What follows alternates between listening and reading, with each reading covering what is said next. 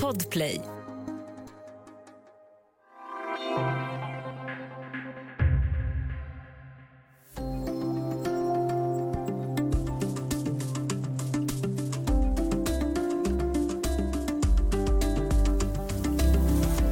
Svenskarna dricker mer kaffe än de flesta andra folk för att hålla sig vakna i mörkret eller för de mysiga fikastunderna.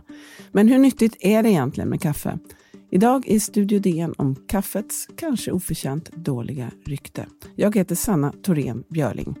Och jag säger välkommen till Johan Nilsson som är vetenskapsreporter på Dagens Nyheter. Hej! Tack, tack. Du, hur många kaffe dricker du om dagen? Eh, ja, jag dricker faktiskt inte eh, kaffe alls. Jag har aldrig druckit kaffe. Det är fantastiskt eh, ovanligt. Eh, för att svenskar dricker ju väldigt mycket kaffe. Ja, eh, vi, vi ligger inte högst. Det sägs Finland göra, men eh, senaste mätningen jag såg så ligger vi på plats nummer tre. Och vi petar i oss runt eh, 7,6 kilo kaffe per person och år. Oj. Eh, det är mycket det. Eh, hur länge har man bedrivit forskning om kaffets hälsoeffekter? Oj, man har säkert gjort det länge, men eh, de stora studierna började komma där någon gång runt ja, 70-talet, 60-70-talet. Vad var det man var intresserad av och letade efter? Eh, ja, det var ju hälsoeffekterna. Är kaffe bra eller dåligt? Och där eh, de första studierna då visade på att det inte är så bra, helt enkelt. Varför då? Eh, de här första studierna, och det gäller även senare studier, är framförallt observationsstudier. Och I de tidiga studierna så tog man inte hänsyn till andra faktorer, eh, som att många av deltagarna rökte. Det här gjorde att eh, resultaten blandades ihop, så att eh, ett tag trodde man att kaffe orsakar både urinblåsecancer och eh, andra cancerformer. Men det visade sig vara i slutändan att det, de orsakerna var rökning som resulterade i de cancerformerna. Du, en, en fråga bara. Observationsstudier, vad, vad är det för någonting? Ja, i princip att man, man, frågar, man frågar människor hur många koppar kaffe dricker du om dagen? Och så svarar de.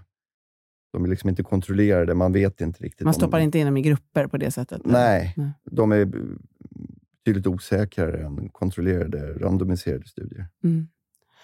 Eh, det här att, eh, att, att man eh, upptäcker att folk röker, eller att man struntar eller man inte tänker på det, det låter ju väldigt klantigt. Ja, eh, men där någon gång i början på 70-talet så hade man inte heller koll på hur farligt rökning är, så det kan man ha en viss förståelse för. Mm. Och då rökte väldigt många, fler ja. än idag? Ja, betydligt fler rökte då än, då, än idag. Åtminstone i Sverige. Så att, vad, vad ledde det här till då? Världshälsoorganisationen, WHO, eh, klassade till och med kaffet som potentiellt hälsovådligt. Mm. Eh, vad, hur, hur, hur stort genomslag får en sån klassning? Ja, eh, 1991 då så hamnade kaffet på Världshälsoorganisationens lista över möjligen cancerframkallande kostfaktorer. Och, men det här påverkade inte konsumtionen så mycket, utan konsumtionen var på uppåtgående där i början på 80, ja, under hela 80-talet, och, men även på 90-talet så var den på starkt uppåtgående och framförallt på 90-talet när Starbucks började etablera restauranger. Mm. Och nu pratar vi kaffe, kaffekonsumtion i... Ja, i, i, i världen, men även i Sverige så gick den upp. Mm. Så man struntar helt enkelt i, i uh, Världshälsoorganisationen och håller fast vid sina ja, vanliga fikavanor? Ja. Mm. Mm.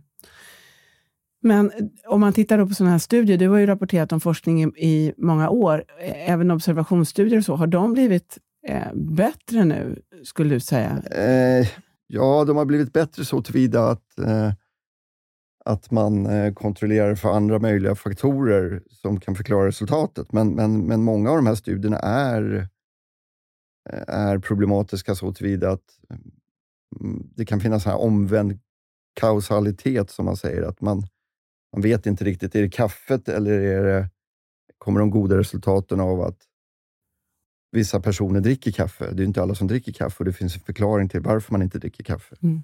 Så det, det, är svåra studier det här. Vad har du för förklaring till att inte dricka kaffe själv? Varför jag inte dricker ja. kaffe själv? ja, jag har provat en halv kopp och jag tyckte inte om det. Eh, så på den vägen är det. Och plus att jag känner idag att ska jag lägga till ett till beroende? Ja, jag vet inte. Ja. Du, en sak som jag minns från förr, det är att många talar om det här att kaffe orsakar magsår eller magkatarr och sådär. Ehm, att det kan, kännas, det kan ju kännas surt om man dricker ja, framförallt gammalt kaffe, men också lite för mycket. Vad, vad låg bakom de där ryktena? Eh, jag tror att förklaringen till de ryktena är att kaffe, framförallt om man dricker kaffe på tom mage, så, så startar kaffet gör att produktionen av magsyra sätts igång.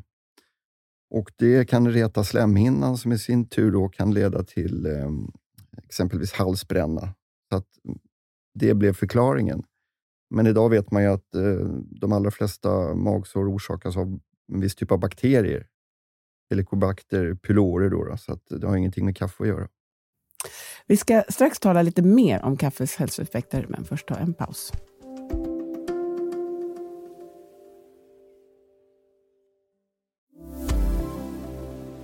Studio DN idag handlar om kaffe och vilka effekter det har på vår kropp. Vi har med oss Johan Nilsson som är vetenskapsreporter på DN. Eh, nu har vi pratat om alla de här studierna som visade att kaffet var eh, rätt så farligt, eh, eller potentiellt farligt. Men sen har det där vänt och nya studier visar på andra faktiskt positiva effekter. Mm. Eh, vilka då? Ehm, det kom en studie för några år sedan som, där, man har, där man följde en halv miljon personer i tio europeiska länder. Och där såg man att eh, kaffedrickarna eh, har lägre dödlighet än de som inte dricker kaffe. Måttliga kaffedrickare ska tilläggas. Eh, de hade lägre dödlighet i framförallt hjärt och kärlsjukdomar och då främst stroke jämfört då med de som inte drack kaffe alls.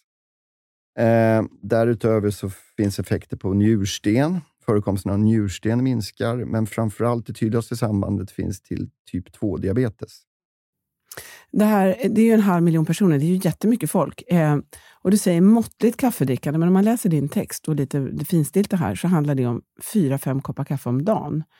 Eh, det låter, tycker jag, ändå rätt, rätt så mycket. Vad är omåttligt kaffedrickande i så fall? ja, bra fråga. Jag vet faktiskt inte. Det här, det här var forskarna, hur, hur de definierade de olika grupperna. Eh, men det är väl antagligen de som bälgar i sig kaffe då, då ja. höger och vänster. Mm. Eh, minskad risk för hjärt och kärlsjukdomar. Eh, vet man varför de, hur det här sambandet ser ut? Nej, eh, och jag tror att sambandet med hjärt-kärlsjukdomar, att man ska ta den med en nypa salt att, eh, om man tolkar de här studierna, så den främsta tolkningen man bör göra är att kaffe i alla fall inte höjer den risken. Eh, för som sagt var, man vet inte man vet inte vad som är orsak och verkan här riktigt och man såg samma resultat på människor som drack eh, kaffe utan koffein. Så Det är uppenbarligen inte koffeinet som resulterar i det här, de här positiva effekterna vad gäller hjärt-kärlsjukdom. Däremot njursten och typ 2-diabetes, där är sambandet betydligt tydligare. Men vad gäller njursten så vet man återigen inte om det är kaffet i sig eller, eller om det beror på att eh, kaffedrickare får i sig mer vätska. Eh, vätskan spä, späder ut urinen och då minskar risken för njursten. Mm. Så att, eh, men typ 2-diabetes, där är nog det främsta eh, sambandet. Och det vet man helt enkelt inte varför det minskar risken för den varianten av diabetes. Vad spännande. Det är ett mysterium.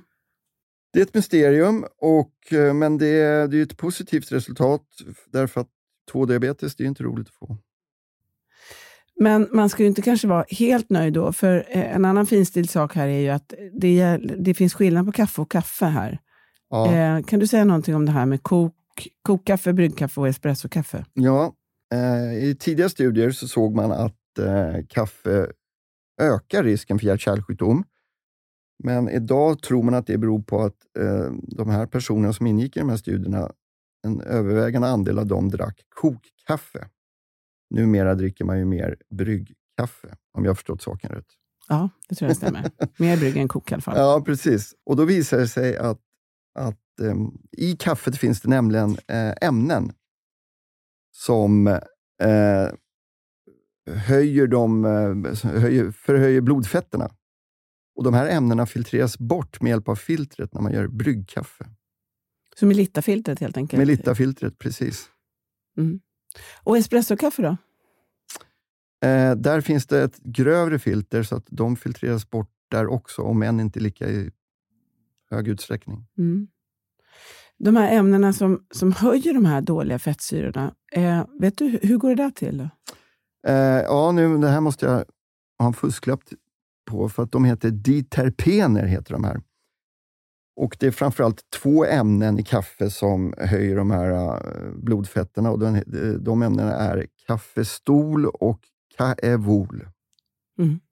Och De här ämnena går att se när man, de är fettlösliga. Så att om man gör kokkaffe eller så kallat uh, eller presskaffe, sån här French press finns det tydligen något som heter. Då kan man se att det är lite oljigt på ytan. Ja. Det är de här ämnena. Det ser man inte på bryggkaffe, därför att de har filtrerats bort. Spelar det någon roll om man har mjölk eller socker i kaffet? då? Eh, nej, inte mer än att eh, kaffets effekter sägs... Det, det fördröjer effekterna lite grann mm. med mjölk. Det gör kaffet lite snällare. Det finns ju några andra saker med kaffe som kanske inte är kaffet i sig, men det kommer jag ihåg från, från när man väntar barn till exempel och har eh, låga järnvärden. Att kaffe minskar förmågan att ta upp järn, så det får man noga eh, lära sig. Hur det där hänger ihop, det vet inte jag. Det kanske du vet förresten? Nej, men det finns, det, det finns en massa myter eh, runt kaffe. Eh, om att man som gravid inte ska dricka kaffe, men det, det stämmer inte. Eh, gravida kvinnor rekommenderas att eh, begränsa sitt dagliga koffeinintag. Men inte att de ska sluta dricka kaffe helt. Maximalt 200 milligram tror jag. Mm. Och det är ändå ett par, tre koppar? Eller? Ja. Mm. Så att, um... Och då är det koffeinet i första hand man, man tänker på, eller att man inte vill... Ja, därför att man har sett en, ett svagt samband till uh, väldigt tidiga missfall och en viss påverkan på födelsevikten på fostret. Men det, det, är, det är liten påverkan. Mm. Just det. Och då vid koffeinet så är vi lite grann tillbaka där vi började. Eh, och därmed tror jag att vi avrundar här och säger tack Johan. Tackar. Ska vi gå och fika nu då? Kanske? Ja, gärna. Om du vill kontakta oss så går det bra att mejla till studiodn Kom också ihåg att prenumerera på Studio DN där du lyssnar på poddar så missar du inga avsnitt. Studio DN görs för Podplay av producent Palmira Kokarimenga, ljudtekniker Patrik Miesenberger och teknik Jonas Lindskog Bauer Media. Jag heter Sanna Thorén Björling.